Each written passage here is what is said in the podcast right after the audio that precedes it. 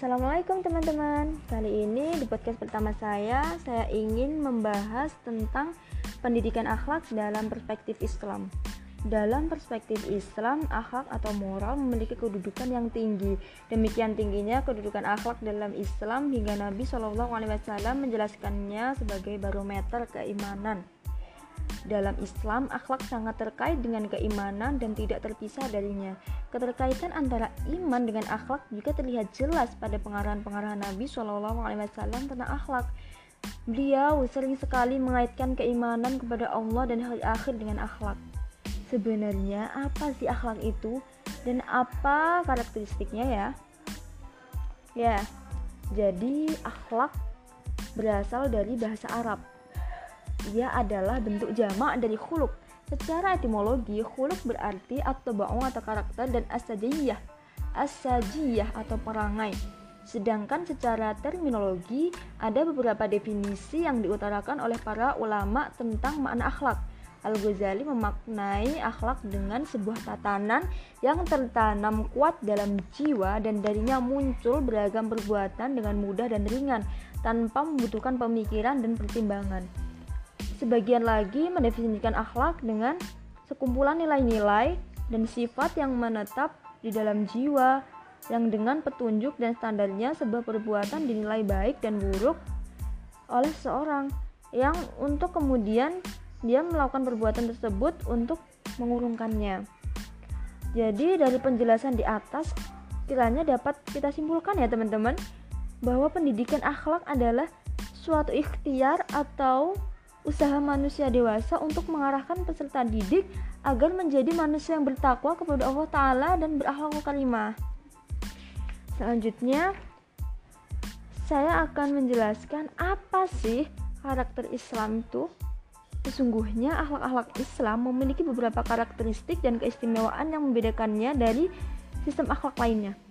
Di antara karakteristik akhlak Islam tersebut adalah yang pertama, Rabbaniyah atau dinisbatkan kepada Rob atau Tuhan. Yang dimaksud dengan Rabbaniyah di sini meliputi dua hal. Rab yang pertama, Rabbaniyah dari sisi tujuan akhirnya atau Rabbaniyah al-Ghoyah.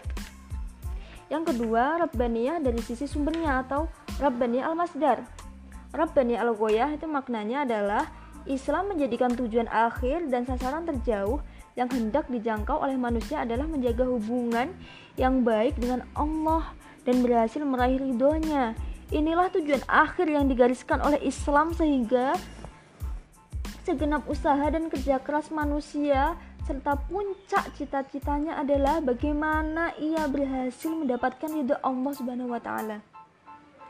Adapun Rabbaniyah Masdar maknanya adalah bahwa manhaj yang telah ditetapkan oleh Islam guna mencapai tujuan akhir tersebut adalah manhaj Rabbani karena sumbernya adalah wahyu Allah kepada penutup para rasulnya Muhammad SAW.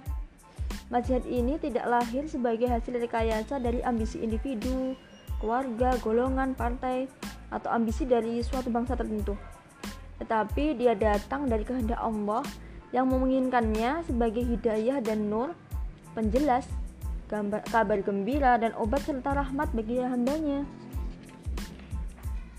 Kemudian yang kedua ada insaniah atau manusiawi. Sesungguhnya akhlak Isa memiliki sebuah risalah atau misi yang sangat penting, yaitu memerdekakan manusia membahagiakan, menghormati, dan memuliakan manusia. Dari tinjauan ini, maka risalah Islam adalah risalah yang insaniah atau manusiawi, karena ia diturunkan untuk manusia sebagai pedoman hidup manusia untuk mewujudkan untuk mewujudkan kemaslahatan manusia dan selaras dengan fitrah manusia. Bagi siapa saja yang mau mempelajari kitabullah dan sunnah rasulnya, niscaya akan tampak jelas dan gamblang baginya bahwa Islam itu telah mengarahkan perhatian dan kepedulian yang sangat besar pada sisi kemanusiaan. Jika kita amati rangkaian ibadah-ibadah yang besar, kita akan dapati salah satu sisinya pasti memiliki aspek kemanusiaan. Sholat misalnya, ia adalah suatu ibadah yang besar, namun salah satu aspek kemanusiaannya adalah ia sebagai penolong manusia dalam mengarungi lika-liku kehidupan dan mengatasi problematika di dalam alam yang fana ini. Yang ketiga, syumuliyah atau universal dan mencakup semua sisi kehidupan. Universalitas Islam meliputi semua zaman, kehidupan, dan eksistensi manusia. Islam adalah risalah yang panjang terbentang sehingga meliputi semua abad sepanjang zaman, terhampar luas sehingga meliputi semua cakrawala umat dan begitu mendalam sehingga menyentuh urusan-urusan dunia dan akhirat.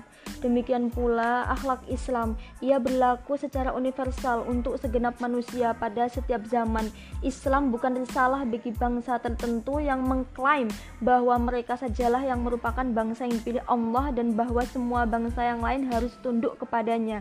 Islam bukanlah untuk wilayah atau daerah tertentu yang semua daerah di muka bumi harus tunduk mengikuti dan menjadi sekutunya. Islam bukan risalah untuk kelas tertentu yang dalam aktivitasnya menundukkan kelas-kelas yang lain untuk mengabdikan diri mereka kepada kelas tersebut. Islam tidak mengenal pertentangan kelas di masyarakat. Tidak ada kelas elit dan rakyat kecil. Tidak ada kelas bourgeois dan kelas proletar. Semua memiliki hak yang sama dalam Islam. Islam adalah risalah bagi setiap mereka semua. Islam benar-benar merupakan hidayah Tuhan manusia bagi segenap manusia, rahmat bagi sekalian hambanya. Yang keempat, wasatiyah atau bersikap pertengahan. Karakter, karakteristik lain dalam Islam yang cukup menonjol adalah wasatiyah atau sikap pertengahan atau dengan ungkapan lain yaitu yaitu tawazun, berkeseimbangan. Yang dimaksud dengan sikap pertengahan di sini adalah keseimbangan di antara dua hal yang saling bertolak belakang atau berlawanan. Seimbang dalam arti tidak lebih berat ke satu sisi dan mengabaikan sisi yang lainnya. Contoh dari dua hal yang saling bertolak belakang tersebut ialah spiritual dan material, individual dengan sosial, duniawi, ukhrawi, sikap idealisme dan realisme dan seterusnya. Pertengahan dalam Islam maknanya memberikan kepada masing-masing aspek haknya yang sesuai dengan porsinya tanpa ada unsur berlebihan atau mengurangi dan juga tanpa mengabaikan hak-hak yang lainnya. Semua aspek di atas mendapat perhatian dan haknya dalam Islam secara adil, proporsional, harmonis dan tidak sampai melampaui batasnya. Selanjutnya, keter, ada keterkaitan apa sih antara keimanan dan akhlak? Jadi, dalam Islam, akhlak sangat terkait dengan iman dan tidak terpisah darinya. Keterkaitan antara iman dan akhlak tersebut ditunjukkan oleh hadis berikut. La imana liman la amanata lahu waladina liman la ahdalahu. Tidak ada iman bagi siapa yang tidak bersifat amanah dan tidak ada agama bagi siapa yang tidak menjaga perjanjian. Hadis riwayat Ahmad Al-Bazzar At-Tabrani. Keimanan yang kuat akan membuahkan akhlak-akhlak yang terpuji seperti amanah dan memegang perjanjian. Oleh karena itu, barang siapa yang menyia-nyiakan amanah dan melanggar perjanjian, maka ini merupakan indikasi kosongnya orang tersebut dari nilai-nilai keimanan. Keimanan yang terhunjam dalam hati seorang mukmin akan melahirkan perkataan-perkataan yang baik dan perbuatan-perbuatan yang terpuji. Hal ini karena iman adalah keyakinan yang tertambat dalam hati, diikrarkan dengan lisan dan dibuktikan dengan amal perbuatan. Tentang keindahan sifat dan akhlak seorang mukmin. Ya, itu tadi teman-teman. Semoga bermanfaat dan terima kasih sudah mendengarkan podcast saya. Assalamualaikum warahmatullahi wabarakatuh.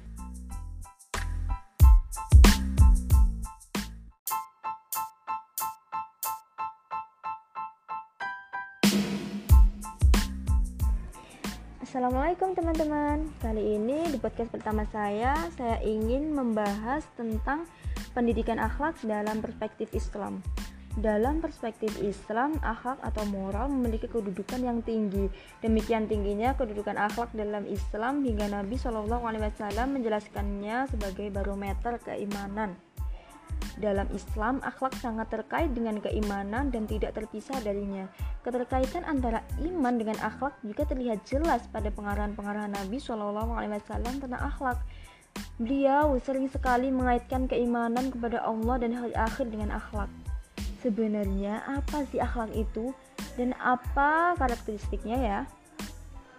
Ya, jadi akhlak berasal dari bahasa Arab ia adalah bentuk jamak dari khuluk Secara etimologi, khuluk berarti atau baung atau karakter dan asajiyah, asajiyah atau perangai. Sedangkan secara terminologi, ada beberapa definisi yang diutarakan oleh para ulama tentang makna akhlak. Al-Ghazali memaknai akhlak dengan sebuah tatanan yang tertanam kuat dalam jiwa dan darinya muncul beragam perbuatan dengan mudah dan ringan tanpa membutuhkan pemikiran dan pertimbangan. Sebagian lagi mendefinisikan akhlak dengan sekumpulan nilai-nilai dan sifat yang menetap di dalam jiwa yang dengan petunjuk dan standarnya sebuah perbuatan dinilai baik dan buruk oleh seorang yang untuk kemudian dia melakukan perbuatan tersebut untuk mengurungkannya.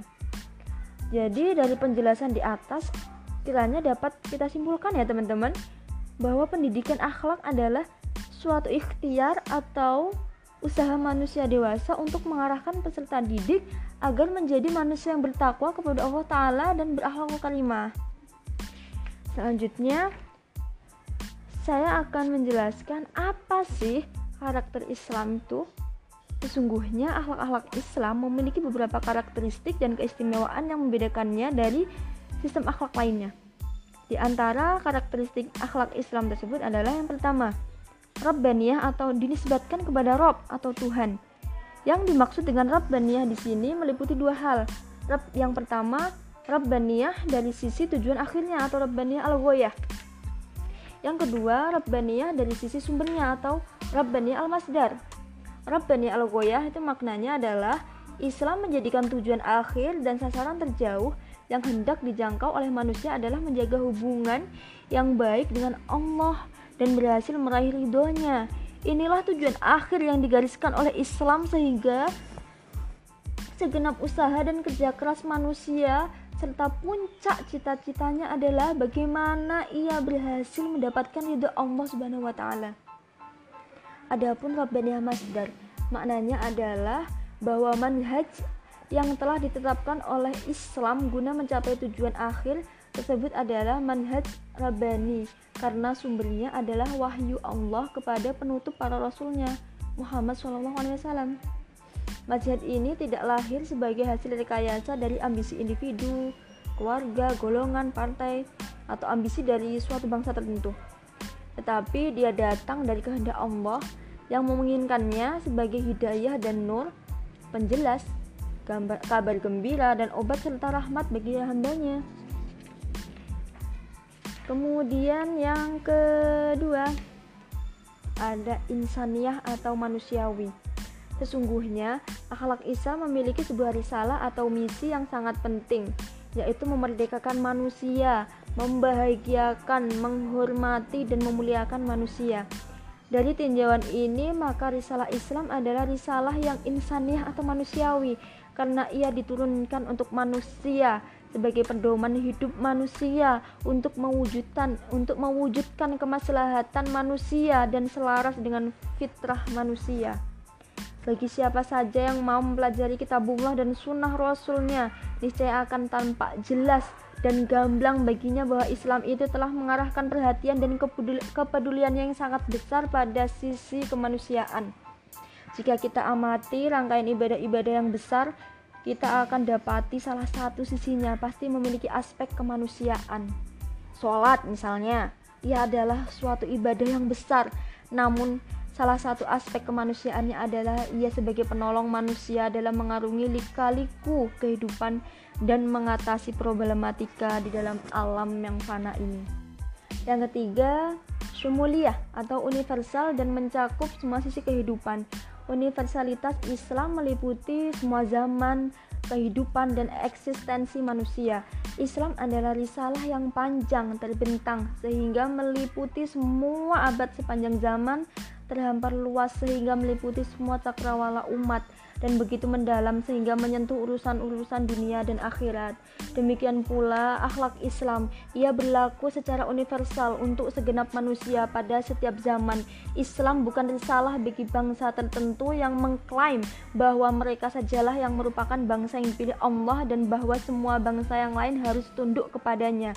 Islam bukanlah untuk wilayah atau daerah tertentu yang semua daerah di muka bumi harus tunduk mengikuti dan menjadi sekutunya. Islam bukan risalah untuk kelas tertentu yang dalam aktivitasnya menundukkan kelas-kelas yang lain untuk mengabdikan diri mereka kepada kelas tersebut.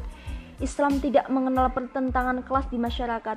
Tidak ada kelas elit dan rakyat kecil. Tidak ada kelas bourgeois dan kelas proletar. Semua memiliki hak yang sama dalam Islam. Islam adalah risalah bagi setiap mereka semua. Islam benar-benar merupakan hidayah Tuhan manusia bagi segenap manusia, rahmat bagi sekalian hambanya. Yang keempat, wasatiyah atau bersikap pertengahan. Karakteristik lain dalam Islam yang cukup menonjol adalah wasatiyah atau sikap pertengahan atau dengan ungkapan lain atau yaitu tawazun, berkeseimbangan. Yang dimaksud dengan sikap pertengahan di sini adalah keseimbangan di antara dua hal yang saling bertolak belakang atau berlawanan. Seimbang dalam arti tidak lebih berat ke satu sisi dan mengabaikan sisi yang lainnya. Contoh dari dua hal yang saling bertolak belakang tersebut ialah spiritual dan material, individual dengan sosial, duniawi, ukhrawi, sikap idealisme dan realisme dan seterusnya. Pertengahan dalam Islam maknanya memberikan kepada masing-masing aspek haknya yang sesuai dengan porsinya tanpa ada unsur berlebihan atau mengurangi dan juga tanpa mengabaikan hak-hak yang lainnya. Semua aspek di atas mendapat perhatian dan haknya dalam Islam secara adil, proporsional, harmonis dan tidak sampai melampaui batasnya. Selanjutnya, keter ada terketerkaitan apa sih antara keimanan dan akhlak? Jadi, dalam Islam, akhlak sangat terkait dengan iman dan tidak terpisah darinya. Keterkaitan antara iman dan akhlak tersebut ditunjukkan oleh hadis berikut. La imana liman la amanata lahu waladina liman la ahdalahu. Tidak ada iman bagi siapa yang tidak bersifat amanah dan tidak ada agama bagi siapa yang tidak menjaga perjanjian. Hadis riwayat Ahmad Al-Bazzar At-Tabrani. Keimanan yang kuat akan membuahkan akhlak-akhlak yang terpuji seperti amanah dan memegang perjanjian. Oleh karena itu, barang siapa yang menyia-nyiakan amanah dan melanggar perjanjian, maka ini merupakan indikasi kosongnya orang tersebut dari nilai-nilai keimanan. Keimanan yang terhunjam dalam hati seorang mukmin akan melahirkan perkataan-perkataan yang baik dan perbuatan-perbuatan yang terpuji. Hal ini karena iman adalah keyakinan yang tertambat dalam hati, diikrarkan dengan lisan dan dibuktikan dengan amal perbuatan. Tentang keindahan sifat dan akhlak seorang mukmin.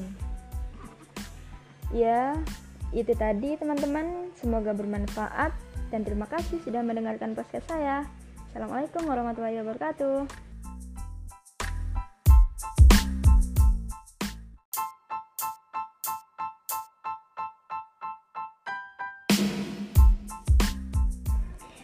Assalamualaikum teman-teman. Kali ini di podcast pertama saya Saya ingin membahas tentang pendidikan akhlak dalam perspektif Islam. Dalam perspektif Islam, akhlak atau moral memiliki kedudukan yang tinggi. Demikian tingginya kedudukan akhlak dalam Islam Hingga Nabi SAW menjelaskannya sebagai barometer keimanan dalam Islam, akhlak sangat terkait dengan keimanan dan tidak terpisah darinya. Keterkaitan antara iman dengan akhlak juga terlihat jelas pada pengarahan-pengarahan Nabi SAW tentang akhlak. Beliau sering sekali mengaitkan keimanan kepada Allah dan hari akhir dengan akhlak. Sebenarnya apa sih akhlak itu dan apa karakteristiknya ya? Ya, jadi akhlak berasal dari bahasa Arab ia adalah bentuk jamak dari khuluk. Secara etimologi, khuluk berarti atau bau atau karakter dan asajiyah, asajiyah atau perangai. Sedangkan secara terminologi, ada beberapa definisi yang diutarakan oleh para ulama tentang makna akhlak.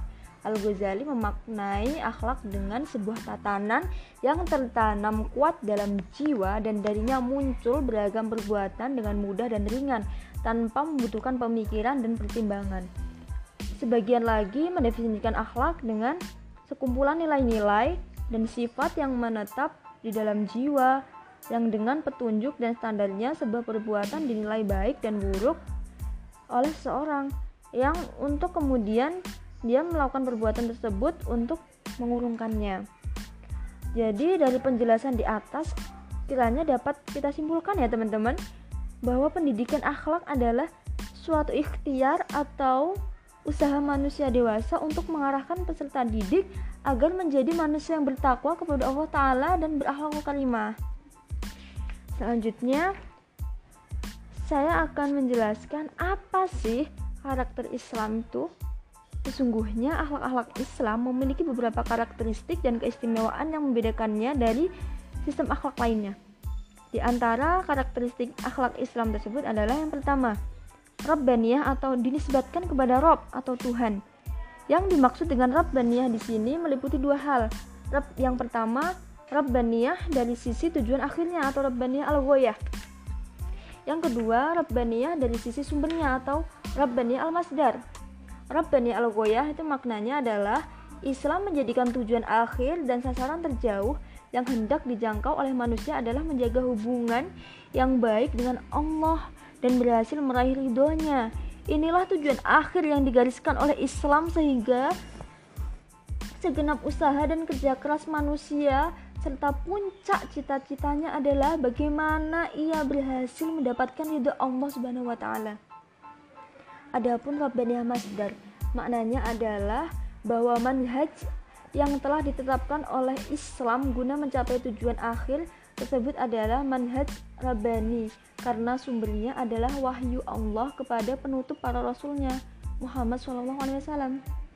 Manhaj ini tidak lahir sebagai hasil rekayasa dari ambisi individu, keluarga, golongan, partai, atau ambisi dari suatu bangsa tertentu. Tetapi dia datang dari kehendak Allah yang menginginkannya sebagai hidayah dan nur, penjelas, gambar, kabar gembira dan obat serta rahmat bagi hambanya. Kemudian yang kedua ada insaniah atau manusiawi. Sesungguhnya akhlak Isa memiliki sebuah risalah atau misi yang sangat penting, yaitu memerdekakan manusia, membahagiakan, menghormati dan memuliakan manusia. Dari tinjauan ini, maka risalah Islam adalah risalah yang insaniah atau manusiawi karena ia diturunkan untuk manusia sebagai pedoman hidup manusia untuk mewujudkan untuk mewujudkan kemaslahatan manusia dan selaras dengan fitrah manusia. Bagi siapa saja yang mau mempelajari kitabullah dan sunnah rasulnya, niscaya akan tampak jelas dan gamblang baginya bahwa Islam itu telah mengarahkan perhatian dan kepedulian yang sangat besar pada sisi kemanusiaan. Jika kita amati rangkaian ibadah-ibadah yang besar kita akan dapati salah satu sisinya pasti memiliki aspek kemanusiaan. Sholat misalnya, ia adalah suatu ibadah yang besar, namun salah satu aspek kemanusiaannya adalah ia sebagai penolong manusia dalam mengarungi lika-liku kehidupan dan mengatasi problematika di dalam alam yang fana ini. Yang ketiga, syumuliyah atau universal dan mencakup semua sisi kehidupan. Universalitas Islam meliputi semua zaman, kehidupan, dan eksistensi manusia. Islam adalah risalah yang panjang terbentang sehingga meliputi semua abad sepanjang zaman, terhampar luas sehingga meliputi semua cakrawala umat dan begitu mendalam sehingga menyentuh urusan-urusan dunia dan akhirat. Demikian pula akhlak Islam, ia berlaku secara universal untuk segenap manusia pada setiap zaman. Islam bukan risalah bagi bangsa tertentu yang mengklaim bahwa mereka sajalah yang merupakan bangsa yang dipilih Allah dan bahwa semua bangsa yang lain harus tunduk kepadanya.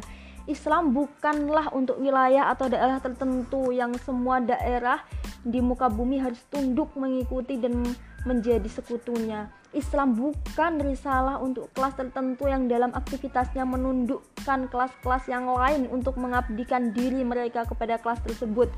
Islam tidak mengenal pertentangan kelas di masyarakat. Tidak ada kelas elit dan rakyat kecil. Tidak ada kelas bourgeois dan kelas proletar. Semua memiliki hak yang sama dalam Islam. Islam adalah risalah bagi setiap mereka semua. Islam benar-benar merupakan hidayah Tuhan manusia bagi segenap manusia, rahmat bagi sekalian hambanya. Yang keempat, wasatiyah atau bersikap pertengahan. Karakteristik lain dalam Islam yang cukup menonjol adalah wasatiyah atau sikap pertengahan atau dengan ungkapan lain yaitu yaitu tawazun, berkeseimbangan. Yang dimaksud dengan sikap pertengahan di sini adalah keseimbangan di antara dua hal yang saling bertolak belakang atau berlawanan. Seimbang dalam arti tidak lebih berat ke satu sisi dan mengabaikan sisi yang lainnya. Contoh dari dua hal yang saling bertolak belakang tersebut ialah spiritual dan material, individual dengan sosial, duniawi, ukhrawi, sikap idealisme dan realisme dan seterusnya. Pertengahan dalam Islam maknanya memberikan kepada masing-masing aspek haknya yang sesuai dengan porsinya tanpa ada unsur berlebihan atau mengurangi dan juga tanpa mengabaikan hak-hak yang lainnya. Semua aspek di atas mendapat perhatian dan haknya dalam Islam secara adil, proporsional, harmonis dan tidak sampai melampaui batasnya. Selanjutnya, keter ada terketerkaitan apa sih antara keimanan dan akhlak? Jadi, dalam Islam, akhlak sangat terkait dengan iman dan tidak terpisah darinya. Keterkaitan antara iman dan akhlak tersebut ditunjukkan oleh hadis berikut. La imana liman la amanata lahu waladina liman la ahdalahu.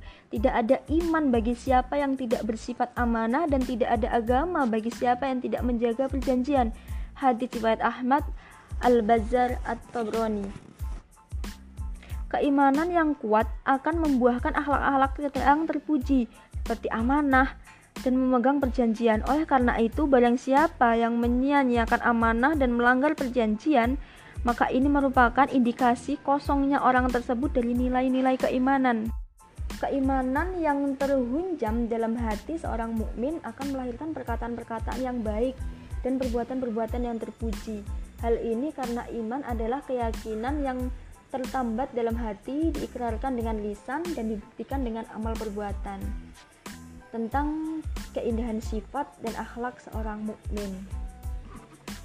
Ya, itu tadi teman-teman. Semoga bermanfaat dan terima kasih sudah mendengarkan podcast saya. Assalamualaikum warahmatullahi wabarakatuh.